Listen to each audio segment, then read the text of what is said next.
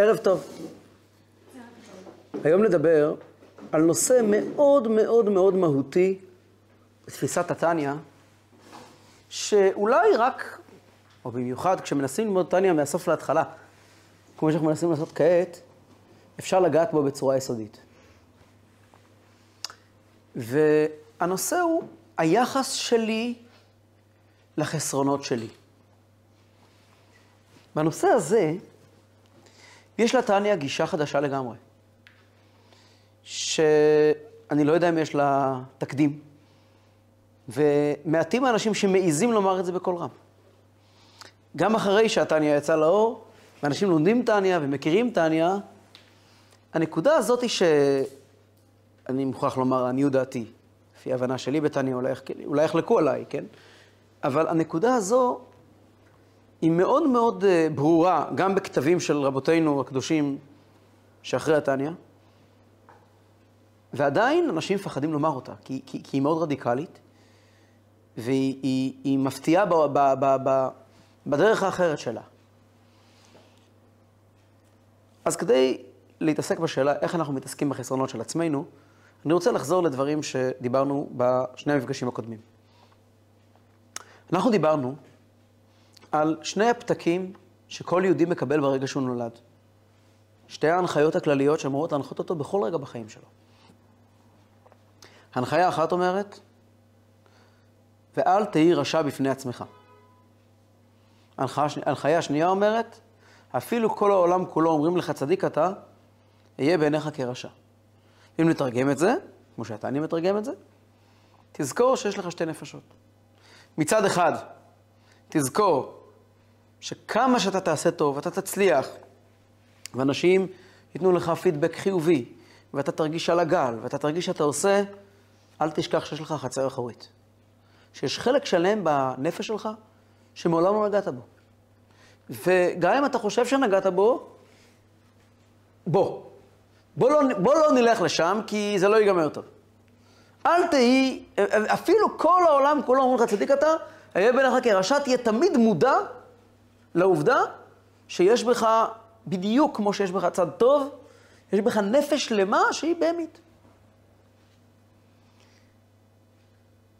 ושבוע שעבר דיברנו שהמודעות הזאת מביאה את האדם ליכולת להכיל אנשים.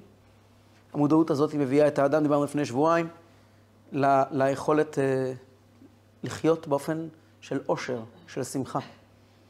אנחנו עוד נעמיק בזה בעזרת השם בעוד הזדמנויות. ומצד שני יש את הנפש השנייה, את התודעה, את התודעה השנייה ש...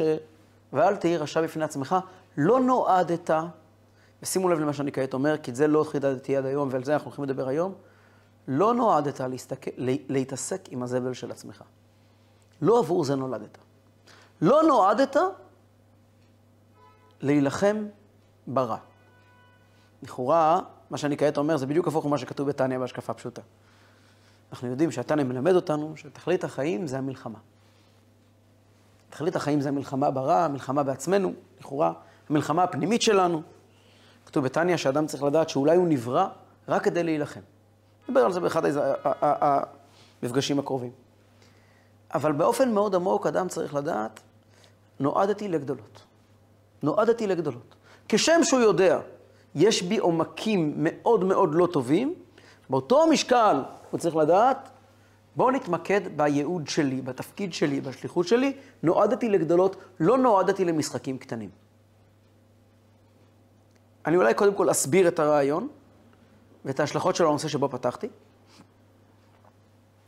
ואז נראה עד כמה שזה שימושי ועד כמה שזה אבן דרך בחיים. שימו לב, שני פתקים האדם מקבל. שימו לב לניסוח שלהם. פתק אחד אומר לאדם, אל תהי רשע בפני עצמך. כלומר, אל תתעסק עם הרשעות שלך. לא כי אין לך. הרי כל העולם כולו אומר לך צדיק אתה, אהיה בעיניך כרשע. אל תהי רשע בפני עצמך, אל תתעסק עם זה. הפתק השני אומר, הוא לא אומר אתה טוב, הוא לא אומר אתה, צ... הוא לא, הוא לא אומר אתה רע, מה הוא אומר? אל תאמין לאלה שאומרים לך שאתה טוב, שאתה צדיק. שימו לב, שתי הלשונות הן באופן של שלילה. במקום להחזיק פתק אחד שאומר, יש בי נפש אלוקית, ופתק שני אומר, יש בי נפש הבהמית, יש לי פתק אחד שאומר, אל תאמין רק לנפש האלוקית. פתק שני שאומר, ואל תאמין רק לנפש הבהמית. אתם שמים לב שכל פתק אחד מדבר על השני. הפתק הראשון אומר, אל תהי רשע בפני עצמך. הפתק השני אומר, כל העולם כולו אומרים לך צדיק אתה, יהיה בעיניך כרשע. כל פתק מדבר על הפתק השני. למה?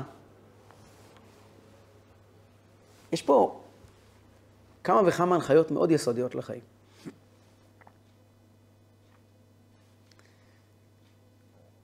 כדי להבין את זה, אולי נתמקד בדברים שכותב בעל התניא בפרק ט'. שם הוא מדבר ופורס בפנינו את ההבדלים באג'נדות בין היצר הטוב ליצר הרע, בין הנפש האלוקית לנפש הבהמית.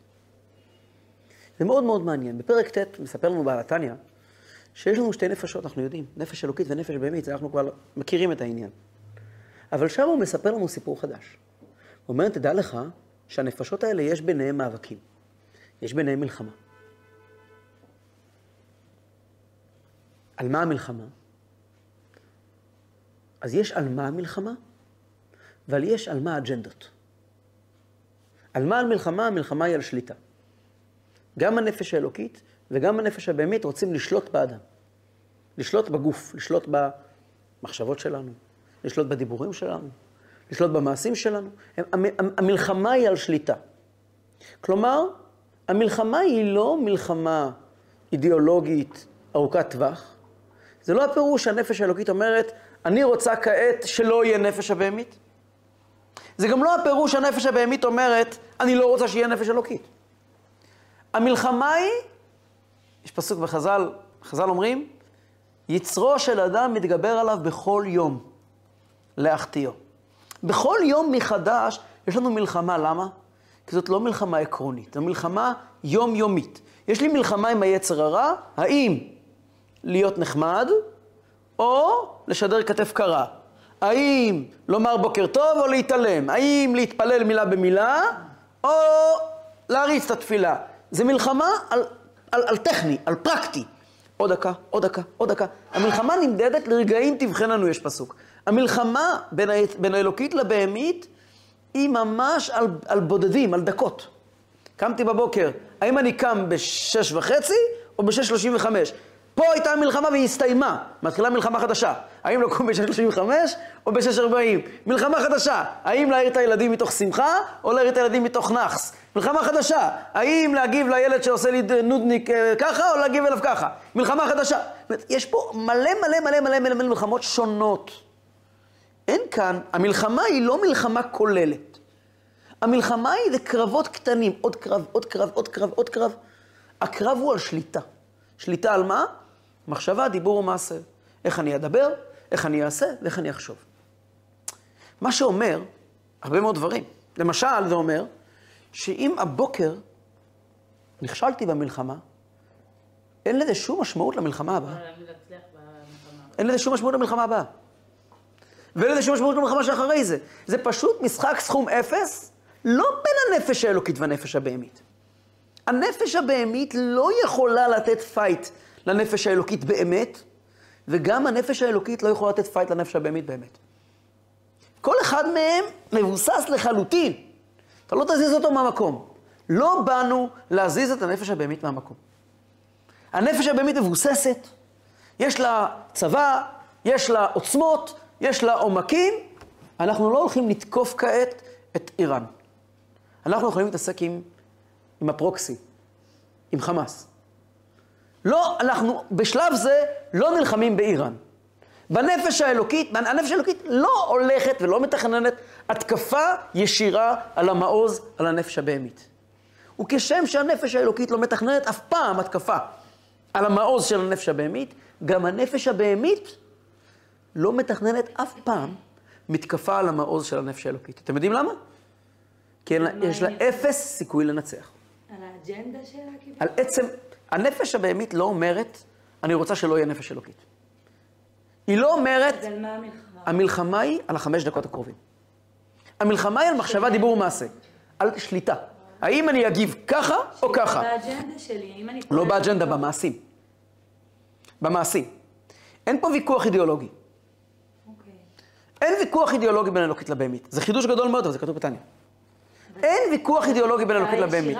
כלומר, אם היא נלחמת בפ- בפועל למה שאני עושה, אז היא לא מסכימה עם האג'נדה של הנפש האלוקית, לא אמרתי שיש להם אותה אג'נדה. לא אמרתי שיש להם אותה אג'נדה. למה היא נלחמת? נגיע לזה עוד רגע, למה היא נלחמת. אג'נדה. אג'נדה. חזון. לנפש האלוקית יש חזון. עוד רגע נדבר עליו. גם לנפש הבהמית יש חזון. אבל מה אין להם? המלחמה בין הנפש האלוקית והנפש הבהמית הוא לא בתחום החזון. יש להם חזונות, איראן יש לה את החזון שלה, כן? ולתורה ולקדוש ברוך הוא יש את החזון שלו. זה לא אותו חזון. המלחמה אבל היא באמצעות פרוקסי. המלחמה היא מול חמאס, לא מול איראן. אנחנו, אין לנו היום לפחות, התוכנית, לפחות כאן, איפה שאנחנו חיים היום, אין היום, בטווח הנראה לעין, רצון להשמיד את אה, ראש הנחש באיראן. המקסימום שיכולים לחלום עליו זה לקחת ממנו את היכולת לפתח נשק. יותר מזה, אפילו הכי קיצוניים לא חושבים. מצד שני, גם איראן, גם אם מדברת גבוהה גבוהה, אין לה, לפחות בטווח הקרוב, שום תוכנית לבטל את מדינת ישראל. לפחות לא בטווח הקרוב. יש לה כן אג'נדה כזאת. אבל, אבל, אבל, אבל, לכן איראן היא לא דוגמה טובה. אבל הנפש הבהמית מעולם לא רצתה, וכבר אני אראה לכם איך אפשר לשמוע את הקולות, אני, אנחנו, אנחנו נראה עוד רגע, אם ניתן קצת הקשבה למלחמה שלהם, כי אנחנו מכירים אותה, כי אנחנו חווים אותה כל הזמן, פתאום תשימו לב למה שאני אומר, שזה ממש ככה. הנפש הבהמית לא רוצה לבטל את הנפש האלוקית, היא רק רוצה שליטה. היא רק רוצה, תן לי חמש דקות שלי. עוד חמש דקות, עוד חמש דקות, עוד חמש דקות. בגלל זה מתחפשת. אה? בגלל זה היא מתחפשת. נכון, נכון. ואני אראה לכם את זה בדיוק איך שזה נראה במציאות. כן. עוד פעם, אתה יכול להבדיל בין יצר הרע ונפש הבהמית? לצורך הדיון אני עושה את זה אותו דבר. בלי להיכנס... אה, אה. לא, אני לצורך... יש הבדל, יש הבדל. אבל לצורך הדיון אנחנו נקרא להם באותו שם. יותר... נ- בפעם הקודמת הדגשת יצר, נפש הבהמית שווה גאווה. לא, גאווה ישות. גאווה זה אחד, מה, אחד מהביטויים של הישות. ישות זה הרבה יותר מגאווה. הרבה יותר בסיסי. אה, ואני, ואני אתן, אה, אתן אה, דוגמה פשוטה. תקשיבו רגע למלחמה של הנפש האלוקית והנפש הבהמית האחרונה שהייתה לכם. אני מניח שהייתה ממש לאחרונה. אתן דוגמה הכי פשוטה. דוגמה הכי הכי פשוטה, הנפש האלוקית רוצה הילד מרגיז אותי, ובא לי לצעוק לו בפרצוף את כל מה שאני חושב עליו, אבל זה לא נכון לעשות ככה, אוקיי? דוגמה למלחמה בין אלוקית לבהמית, נכון? יפה. עכשיו תגידו לי, בואו נעצור רגע. אדם נורמלי, אדם בריא, איך נשמעת המלחמה שלו? האלוקית אומרת, אתה הורה, זה הילד שלך. תחשוב חינוך. תחשוב אידאה, תחשוב מה נכון. מה אומרת הבהמית? אתה לא הורה? אל תחשוב אידאה? היא אומרת, זה חינוך לצעוק? כך אומרת הבהמית? לא. לא, לא, לא, לא, לא. הבהמית אומרת, אני עצבנית! הבהמית לא אומרת נכון לצעוק. הבהמית אומרת, בא לי לצעוק. אתם שמים לב? הבהמית לא חולקת על האלוקית. היא לא חולקת על האלוקית, מה היא אומרת? את צודקת, עכשיו אני עצבני, בא לי לצעוק. זו תובנה מטורפת. קחו את זה לאיפה שאתם רוצים, לקום בבוקר. קבעתי שעה לקום, ואני קם עשר דקות מאוחר יותר. מה, איך נשמע הוויכוח? האלוקית אומרת, הגיע הזמן לקום. יש לך ילדים לטפל בהם, יש לך בית כנסת להתפלל, יש מניין, יש תפילה, יש פה, יש שם. מה אומרת הבהמית? לא נכון. הבהמית חולקת? אני עייף. זאת אומרת, הוויכוח שלהם הוא בכלל לא אידיאולוגי. כל המריבות, זה מטורף להבין את זה. כל המריבות שלנו עם עצמנו הן לא מריבות אידיאולוגיות. עכשיו, ספר התניא נכתב כתגובה לפגישות של אנשים עם בעל התניא. ואנשים אמרו לבעל התניא, יש לנו בעיות. כל מיני בעיות. בעל התניא אמר להם, זה לא מעניין אותי, הבעיות שלכם. זה משעמם אותי. אל תהיי רשע בפני עצמך, תפסיקו להתעסק עם זה. אתם צריכים ללמוד רק דבר אחד, איך מפתחים את שריר הניצחונות. זה כל מה שאתם צריכים ללמוד. יש אפשרות עכשיו לרדת לעומק השיטין ולהתחיל לנקות את הבעיות של הנפש הבהמית, יגיעו חדשות. מה שאני רוצה ללמד אתכם, אמר להם בעל התניא, איך מנצחים. שימו לב דבר מופלא. אמרנו, בואו נדבר רגע על האג'נדות. בפרק ט' בעל התניא מציג את האג'נדה של האלוקית. בהרחבה. ואז את האג'נדה של הבהמית בחמש מילים. כל אחד מהם אפשר לדבר שעות. אני קורא את האג'נדה של האלוקית, אולי אני אקרא לכם אותה. האג'נדה של האלוקית אומרת כך.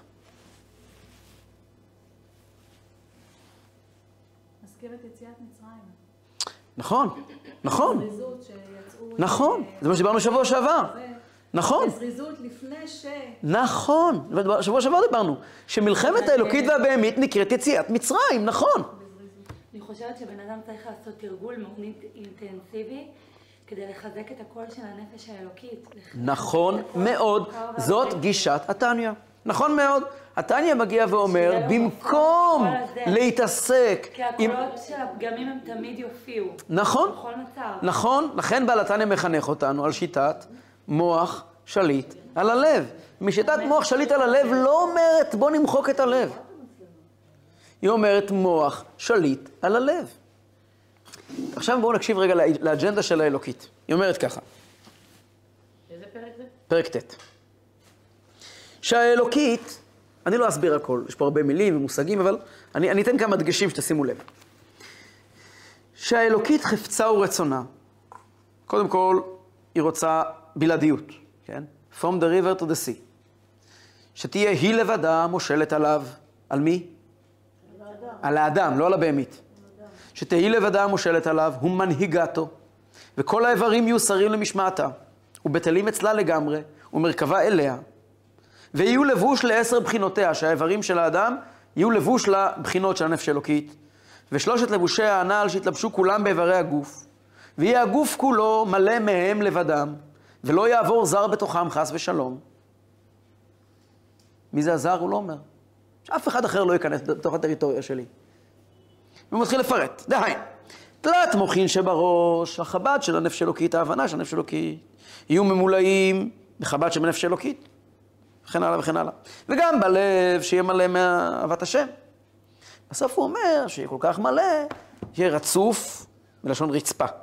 מלא וגדוש, עד שתתפשט גם לחלל השמאלי. עד שכבר לא יהיה לי חשק יותר לעניינים של העולם הזה. זה החלום. בכל החלום הזה, הנפש הבהמית לא מוזכרת. הנפש האלוקית לא מתעניינת בנפש הבהמית. היא באה להילחם בה, והיא לא רואה אותה. לעומת זאת, הנפש הבהמית זה הפוך. יש פה אריכות, אריכות, אריכות, אריכות, אריכות, והסיום הוא, אך נפש הבהמית שמהקליפה, רצונה להפך ממש. מה זה להפך ממש? לא הכוונה כמו שהנפש האלוקית רוצה, רק הפוך. הכוונה היא, כל מה שהנפש האלוקית רוצה, היא תמיד תעשה לה דווקא. היא נודניקית. למה? לטובת האדם, שיתגבר עליה וינצחנה. האג'נדה הנסתרת שלה זה שהאדם ינצח אותה. כלומר, הנפש הבהמית כל כולה פה כדי להיות סימולטור להתגברות של נפש אלוקית. הנפש הבהמית, היות שהיא מהקליפה, היא טומאה, וטומאה זה שקר. אז אין לה אג'נדה, אין לה, אין לה באמת אג'נדה. זה שקר. מכיוון שזה שקר, אז היא לא מגיעה עם חלומות גדולים. אז הנפש הבהמית רוצה רק לעצבן. והנפש האלוקית רוצה הכל. האלוקית לא מתעניינת בבהמית, רק הבהמית מתעניינת באלוקית. אני, אני אתן איזשהו משל מהחיים שלנו עכשיו, יהיה לנו קל להבין את זה. יש גמרא מפורסמת, שיצא לי לחשוב עליה הרבה בי"ט כסלו האחרון. גמרא מפורסמת שאומרת, אה, גמרא מסכת סוכה, דף נ"ד נ"ד נדמה לי, הגמרא אומרת שלושה מתחרט עליהם הקדוש ברוך הוא שברעם. שלושה יצורים בעולם, שהקדוש ברוך הוא מתחרט עליהם שהוא ברא אותם. גלות ויצר הרע וישמעאלים. טוב, אני את הגמרא הזאת מכיר הרבה שנים. ואני לא כזה ימני כדי להבין מה נפלו על הישמעאלים דווקא. מכל האומות בעולם, והישמעאלים יש לנו איתם חשבון ארוך ולא מוותרים להם כל כך מהר, אבל מותר לומר בכנות, שמכל האומות הישמעאלים הם פחות מאלה שהזיקו לנו. בהיסטוריה היו שהזיקו לנו הרבה יותר. הרבה הרבה יותר. אני פראי אדם. אנחנו סובלים מהם מאוד, כן? לא ש... אין שום הנחה, אבל היסטורית, בוא נגיד מהצרפתים סבלנו יותר. מהגרמנים מי מדבר בכלל? וגם מהאנגלים. היסטורית, אין בכלל מה להשוות. ומהרוסים. בסדר, לאחרונה הם קצת משלימים את הפער. מה הישמעאלים ככה, כזה... יצא לי לשמוע את הרבי מדבר, בדרך אגב, על הגמרא הזאת, ממש בדרך אגב. פתאום הרבי כאילו נתן פירוש למילים, ששינה את כל המבט. הי"ט כסלו, שמעתי התוודות של הרבי, הרבי דיבר על יצר הרע. שלושה מתחרט עליהם הקדוש ברוך הוא של גלות ויצר הרע וישמעאלים. אז הרבי דיבר על יצר הרע. הרבי אמר שישנם תנועות ביהדות שנקראים תנועות מוסר. שכל ההתעסקות שלהם זה עם הנפש הבהמית. כל ההתעסקות העיונית שלהם זה העומקים של הנפש הבהמית, ההתמודדויות של הנפש הבהמית, איך מתגברים על המידה הרעה הזו ואיך מתגברים על המידה הרעה האחרת. הרבי כזה אמר בחצי, בחזית צחוק כזה, כשמשיח יבוא, איך הם יצאו לקבל אותו? מה הם ייקחו ביד? ספרי התמודדות עם נפש הבהמית, משיח יבוא, אין יותר נפש הבהמית, אין יותר יצר הרע. משיח ישחוט את היצר הרע, כתוב בגמרא. כן? ואתה קודשא בריחו ושחט למלאך המוות. יותר לא יהיה יצר הרע. אז את כל הספרייה הגדולה של ההתמודדות עם היצר הרע יצטרכו לגנוז, לא יהיה מה לעשות איתה. אבל מי שלומד חסידות, יהיה לו עם מה לבוא למשיח, כי חסידות עוסקת בהתמודדות, בהתגלות הנפש האלוקית, לא בהתמודדות עם הנפש הבהמית. אז איך לגלות הנפש האלוקית? תמיד יש מה לדבר. גם כשמשיח יהיה פה, יהיה הרבה מה לעשות כדי לגלות עוד יותר ועוד יותר את הנפש האלוקית. הרבי אמר את זה, מיד נזכרתי, ב... בפתגם החסידי, שכשמשיח יבוא יצאו לקבל את פניו עם ספרי טניה. כלומר, כל הספרות המוסר האחרת, לא יהיה לה מה לעשות אז, כי היא כולה מתעסקת בנפש הבהמית, לא בנפש אלוקית. טניה זה הספר היחידי שכל הדגש שלו הוא רק על נפש אלוקית ולא על נפש הבהמית. אז תוך כדי הרבי השתמש בביטוי, ואז הבנתי מה הסיפור של ישמעאלים, וזה נוגע לנושא שלנו. הרבי אמר, כידוע, שכל הסיפור של יצר הרע זה רק דיעבד.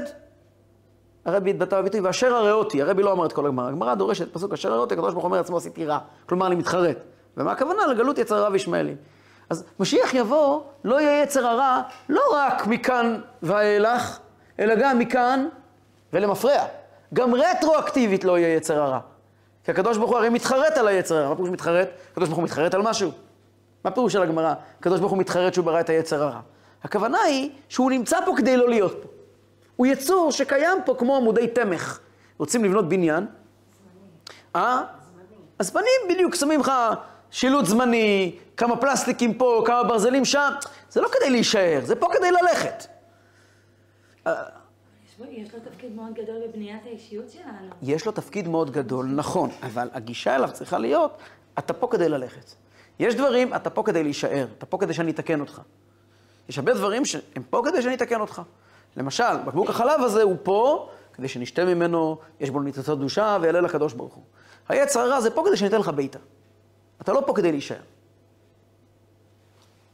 אז ממילא משיח יבוא, אז אם ההתמודדות שלנו כל החיים הייתה, אם אני, אני אעשה את זה קצת יותר ציורי, יש אנשים שכל החיים שלהם סובבים סביב מלחמה על צניעות, או על uh, פלאפונים כאלה, או על... יש כאלה, כל, מקדישים ימים ולילות בלתלות שלטים, בלהילחם מלחמות קודש נגד כל מיני אויבי השם, אה, הטכנולוגיה הארורה. נו, פיין. ומשיח יבוא, אין יותר יצר הרע. תגיד, מה עשית כל הגלות? נלחמתי במה? אופס, האויב איננו. הוא אף פעם לא היה. תגיד, היה לך איזושהי בשורה? הבאת משהו לעולם? אני נלחמתי. כן, אבל, אבל האויב שלך הוא סתם פייק. אני לא אומר שלא צריך להיזהר ממנו. אבל הוא לא מציאות אמיתית. אתה לא יכול להיות כל היום בגובה העיניים של, של כלום. איך אפשר להבין את זה? אז יש יצר הרע, יש גם גלות וישמעאלים. היה לי, יש לי אחות, אז היא הייתה פעם, פעם היא הייתה ילדה קטנה. אני זוכר שהיא הגיעה הביתה בתקופת אוסלו העליזה, היא הגיעה הביתה וסיפרה, הייתה ילדה בגן. סיפרה על חברה שלה בכיתה, בגן. שאלנו אותה, מה אבא של זאתי וזאתי עובד? אני הייתי כבר בישיבה, הייתה ילדה בגן, ונהנינו להסתדר אחרי אוסלו. הייתה תקופת, אחד מההסכמים, אני יודע. אז היא, אז היא אמרה, הוא עובד במוות לערבים.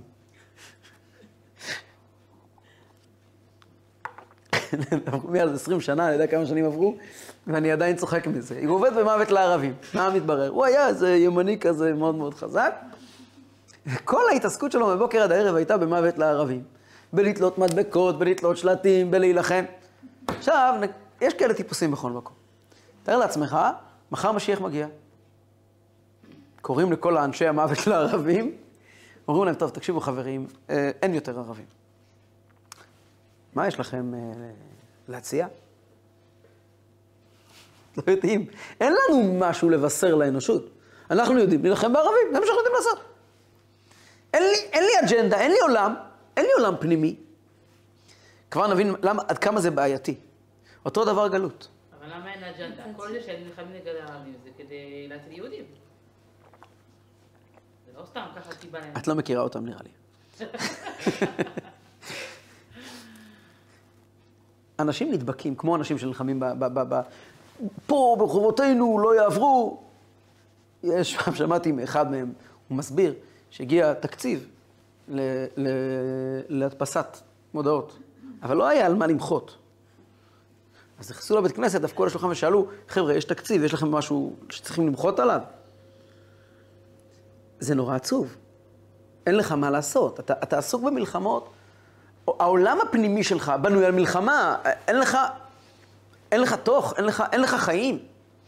יש הבדל מאוד גדול, כבר אני, אני, אני כבר אסביר עד כמה שזה מסוכן. אנשים שמחפשים שליטה, אגב. זה יכול להגיע מכל מיני בעיות. זה מאוד מאוד מאוד מתפתח. אותו דבר גלות, יש אנשים שכל מה שהם יודעים זה לסדר את הגלות. לארגן תקציבים מפה, לארגן שם מפה, לסדר את ההוא, לסדר את השם, להיות עסקנים כאלה עם 18 אלף מפתחות ולהסתובב.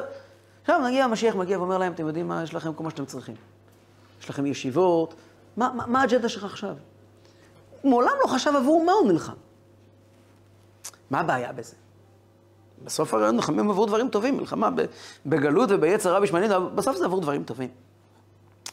הבעיה בזה היא באיפה אתה חי. איפה אתה חי? אומר בעל התניא בפרק כ"ז, בפרק כ"ח, מתאר מצב, בעל התניא מתאר מצב מטורף. הוא אומר, יהודי נעמד להתפלל. והוא בא להתפלל. הם מגיעים ותוקפים אותו מחשבות זרות. אומר בעל התניא, קודם כל תדע לך שזה נורמלי. למה? כי היצר הרע כאן כדי, כדי להפריע. אז אם תוקפים אותך מחשבות זרות, סימן שאתה בן אדם בריא. אז קם דאון, הכל בסדר. אל, אל, אל תילחץ, הכל בסדר. אוקיי, מה אני עושה עכשיו? אומר בעל התניא, תתעלם, תמשיך להתפלל. אומר היהודי, אבל אני רוצה להחזיר מלחמה. אומר לו בעל התניא משפט, יסוד, תיזהר. המתאבק עם מנוול, מתנבל כמותו. מי שרב עם מנוול, לשון התניא, כי המתאבק עם מנוול, מתנבל כמותו. אם בן אדם הולך מכות, אם בן אדם מלוכלך, הוא יוצא מלוכלך. אם כל החיים שלך תהיה עסוק במלחמה עם העני, אתה תהיה איש קטן מאוד. אבל אם במקום להילחם עם העני, תגדיל את האופק שלך ותחשוב לטווח ארוך, אתה תהפוך לאדם גדול. ואני אתן לכם דוגמה פשוטה מהחיים. לצערנו, אנחנו נמצאים באמצע מלחמה קשה ואיומה, ואנחנו משלמים, לצערנו הגדול, בהרבה מאוד קורבנות, יום-יום. יש כל הזמן פצועים. חיילים שנפצעים במלחמה. והחיילים האלה שנפצעים במלחמה מובלים לבתי רפואה. אנחנו יכולים לדעת מה קורה ממסוקים שעוברים. אם אתם רואים מסוקים נוסעים מדרום לצפון, אתם יודעים מה זה אומר, כן? זה פינוי פצועים. אז יש תופעה נורא מעניינת. פצועי המלחמה, ההחלמה שלהם היא מהירה ללא שיעור. פי כמה וכמה מאותם אנשים עם אותם פצעים בתנאי בית. כי יש להם נכונות לחזור. זאת לא הסיבה. זאת לא הסיבה שיש להם נכונות לחזור. בואו נחשוב רגע. עצמאי, בעל מפעל, כל יום שהוא לא נמצא במפעל הוא מפסיק כסף. והוא נפל מסולם. הוא מאושפז. הוא רוצה לקבל כסף ביטוח לאומי. הוא רוצה לקבל כסף ביטוח לאומי, הוא חייב לפרנס את המשפחה שלו, אבל הוא מאושפז. הוא רוצה לנצח. אדם ברמה הפרטית, ברמה האישית, המשפחתית, נפצע. הוא מאוד מאוד רוצה לעבוד, כי כל יום זה משכורת, כל יום זה עבודה, זה להיות בחנות, אין לו זמן לבזבז. אין לו זמן לבזבז. הוא לא יכול לבזבז זמן. הוא חייב לפרנס את המשפחה שלו, נכון? אז למה הוא שוכב שם חצי שנה? כוח הרצון ישנו. חייל בצבא, אותה פציעה, אני חייב לחזור לחברים שלי. אתה הולך לחזור לסכנת מוות, אתה הולך לחזור. הוא, הוא מחלים הרבה הרבה יותר מהר מהמציאות. כמה סיפורים קראנו לחיילים שאמרו, אני חייב מיד לחזור ומאבד רפואה, ברח חזרה לקרב. למה הוא מחלים הרבה יותר מהר? הרצון וה... אבל גם אדם פרטי יש לו רצון. הערבות ההדדית. נחישות? זה, גם, אני רוצה לפרנס את המשפחה שלי, יש לי נחישות. האדם רוצה לפרנס את המשפחה, גם לי יש נחישות. האדם נפצע בפרטי, למה זה לא אותו דבר? לא. אני אתן לכם את ההגדרה. האם הסיפור הוא גדול או הסיפור הוא קטן? זה כל השאלה. סיפור. אם הסיפור הוא אני, כמה שאני רוצה לחזור הביתה, יש תהליך רפואי. אבל אם אני מבין שאני חלק ממשהו גדול, אני לא שם לב אליי. אני לא הנושא, אני מג... המלחמה היא לא ב-level הזה. אספר לכם סיפור. מאישה צדיקה שאני מכיר, לא אחשוף יותר מדי פרטים, ששליחה של הרבי באחת מערי, מערי, מערי ישראל, שניהלה קייטנה. בחודש התשיעי להריונה. ניהלה קייטנה גדולה, עם המון המון המון המון המון מסירות נפש. מסירות נפש אין לתאר. ביום הראשון של הקייטנה, ילדים, אוטובוס שלם, מלא ילדים, להוציא יקר מזולל, כולם בית ספר ממלכתי, היא לא קיבלה ילד אחד שלומד בית ספר דתי. ביום הראשון של הקייטנה, חודש תשיעי, הם נוסעים לאשדוד, והיא נופלת, אף אחד לא ראה את זה, ונוקעת את הרגל. חודש תשיעי. והיא צריכה להיות שם, כי המנהלת של הקייטנה, מול משרד החינוך, מול ההורים. אם היא לא תהיה, אם, אם היא כעת נהיית חולה, חולה, זה, זה, היא כבר לא תחזור לשם. והעסק לא יעבוד אם היא לא תהיה. ממשיכה. היא הצליחה לסגור את הפה עד שאחרון הילדים חזר הביתה. ואז היא קרסה. הלכה לרופא, כאבי תופת, אתם לא יכולים לדמיין, היה ברור שהרגל שלה נשברה. לקחה תרופה קטנה, הלכה לנוח כמה שעות, כי אמרו לה, או שאת מתפנה עכשיו למיון, חודש תשיעי, או שתחזרי בעוד כמה שעות, בגובה לך במיון, אתם צריכים להמתין כמה שעות, תחזרי בעוד כמה שעות, ויעשו לך רנטגן, יש בעיה עם רנטגן כי חודש תשיעי, אז יבדקו אותך איזשהו אורתופד. אחרי כמה שעות היא קמה, אה, כאבי תופת. היא אמרה, הקייטנה צריכה אותי, אני בשליחות של הרבי. אין לי זמן למשחקים כאלה. הלכה לרופא. לפני שלחצה את הדלת של הדלת, היא אומרת, זו לא הקייטנה שלי, אני שליחה של הרבי. נכנסת לרופא ואומרת לרופא, אתה רופא, תקבע שאין לי שום דבר. היא לא יכולה, לא יכולה, לא לעמוד על הרגל, לא, אתם לא יכולים לדמיין לעצמכם. הרופא בודק אותה, אומר לה, יש לך נקע? 37, אומר לה, נקע? אומרת לו, בסדר, אמרת את שלך. הלכה לישון, קמה כאחד האדם. מעשה שהיה, הוא אמר, טוב לך ללכת. טוב לך ללכת. הוא אמר, "זה- זה עושה לך טוב ללכת. כאחד האדם. כאחד האדם. זה, זה דברים ש... הסיפור הזה שמעתי מבעל המעשה, כן? כן. כשאתה נמצא במשהו גדול, אם זה בחיים, בפר- חודש תשיעי, מיד בן אדם מרחם על עצמו, נכון? אוי, אני מסכנה, ואני אומללה, וכ- ומגיע לי, ו... אז, אז, אז, אז, אז, אז אם זה רמת ההתעסקות, אז זה טבעי שאנחנו נשארים באיזשהו לופ. אבל אם החלום הוא גדול, ואני משרת משהו ענק, אז מה הסיפור? כואב לך הרגל? מה איתך? בוא, אנחנו עכשיו מתעסקים בדבר ענק. איזה שטויות האלה כואב הרגל. וזה, בגשמיות ממש זה עובד ככה. אז מה שצריך לעשות זה לעשות למען האחר. ברוחניות זה אותו הדבר. הסוד הזה של תהי צדיק ואל תהי רשע, של כל ה... ואל תהי רשע בפני עצמך. אל תתעסק עם הרשע שלך. יש לי נטייה לשחצנות. טוב שאתה מודע לזה. בוא נמשיך הלאה. יש לי נטייה ל- ל- ל- לשקר, להגזמה. יש לי נטייה ל... ל- זה, יש לי נטייה ללקחת ללב. אוקיי, שמענו. יש לך משימות, אתה יודע שיש לך משימות? בוא נתעסק רגע במה המשימות שלך בעולם. בוא נשים אותם על השולחן.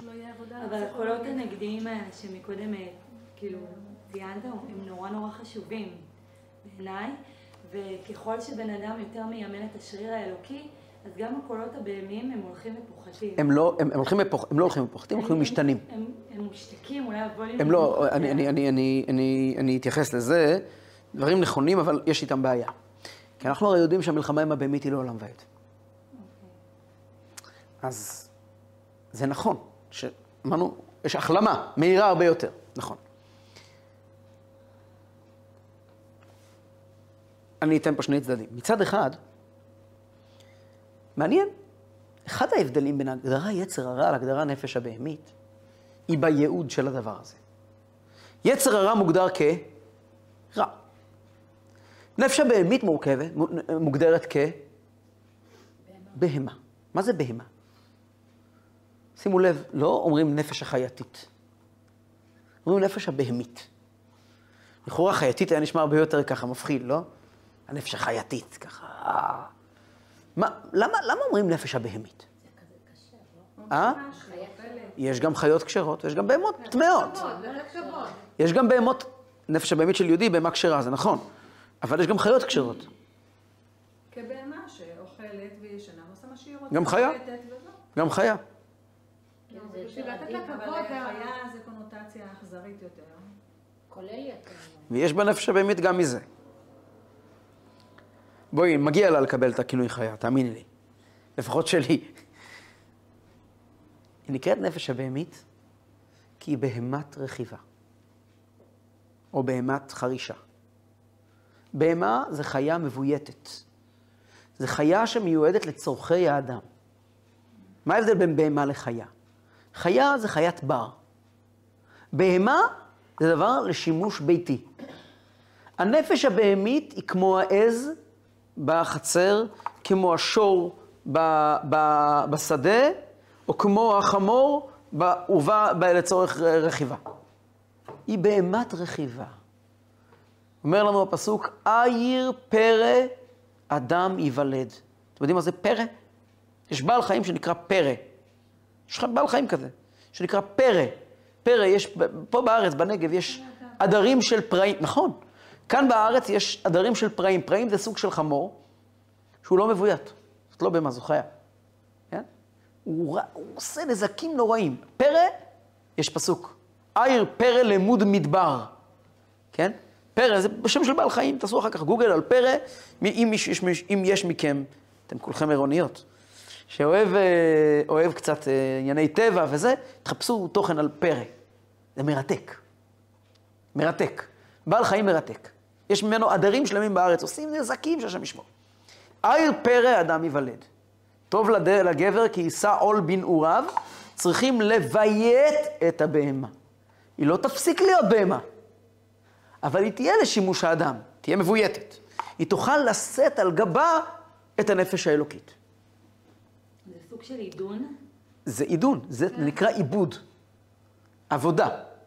זה נקרא עבודת השם, עובד אלוקים. עובד אלוקים הוא מי שמעבד את הבהמה. כלומר, הוא לא הופך אותה לאלוקית, זה בלתי אפשרי. הוא יודע איך עובדים איתה. עד כדי כך שיש מצב שהבן אדם נותן ככה לסוס שלו כזה כיף כזה, והוא... ו- ו- ונפשו קשורה בנפשו. וגם יש מקומות ש... זאת אומרת שהשטחים של המלחמה משתנים. זהו.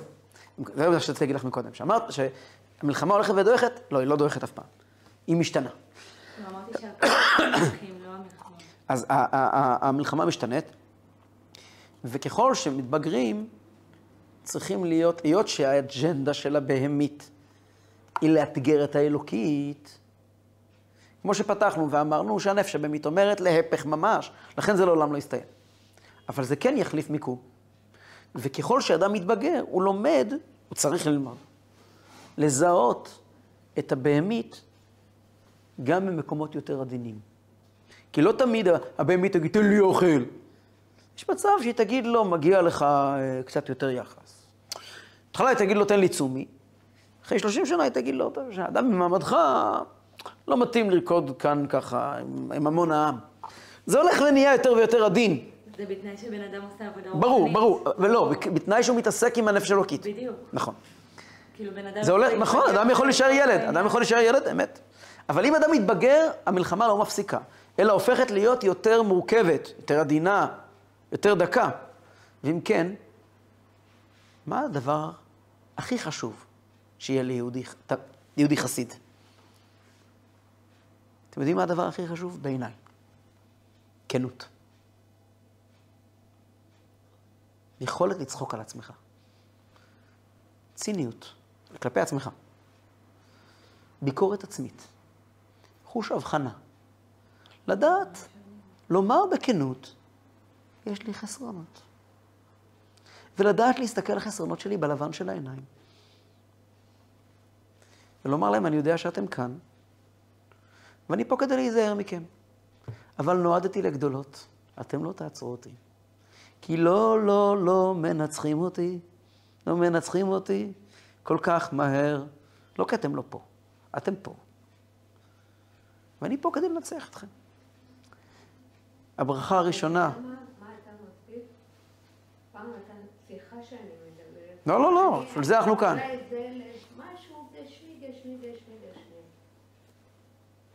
שחקני כדורסל שמים להם ספרי, אתם עכשיו יש לכם.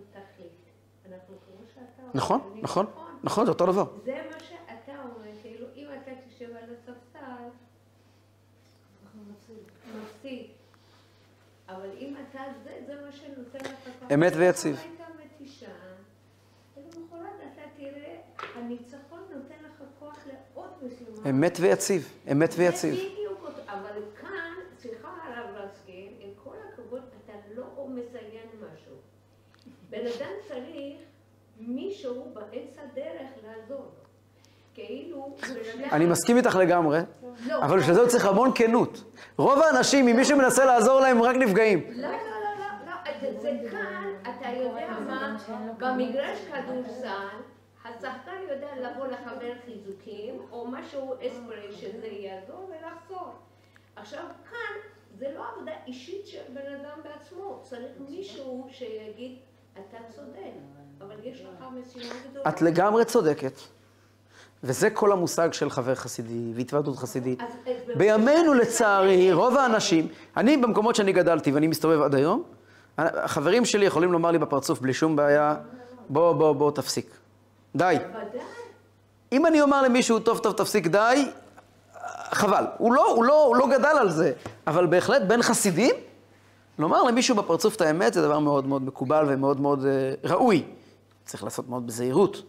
כי בדרך כלל, אנשים שלא לא יודעים את מה שדיברנו היום, נפגעים בתוך רבע שנייה.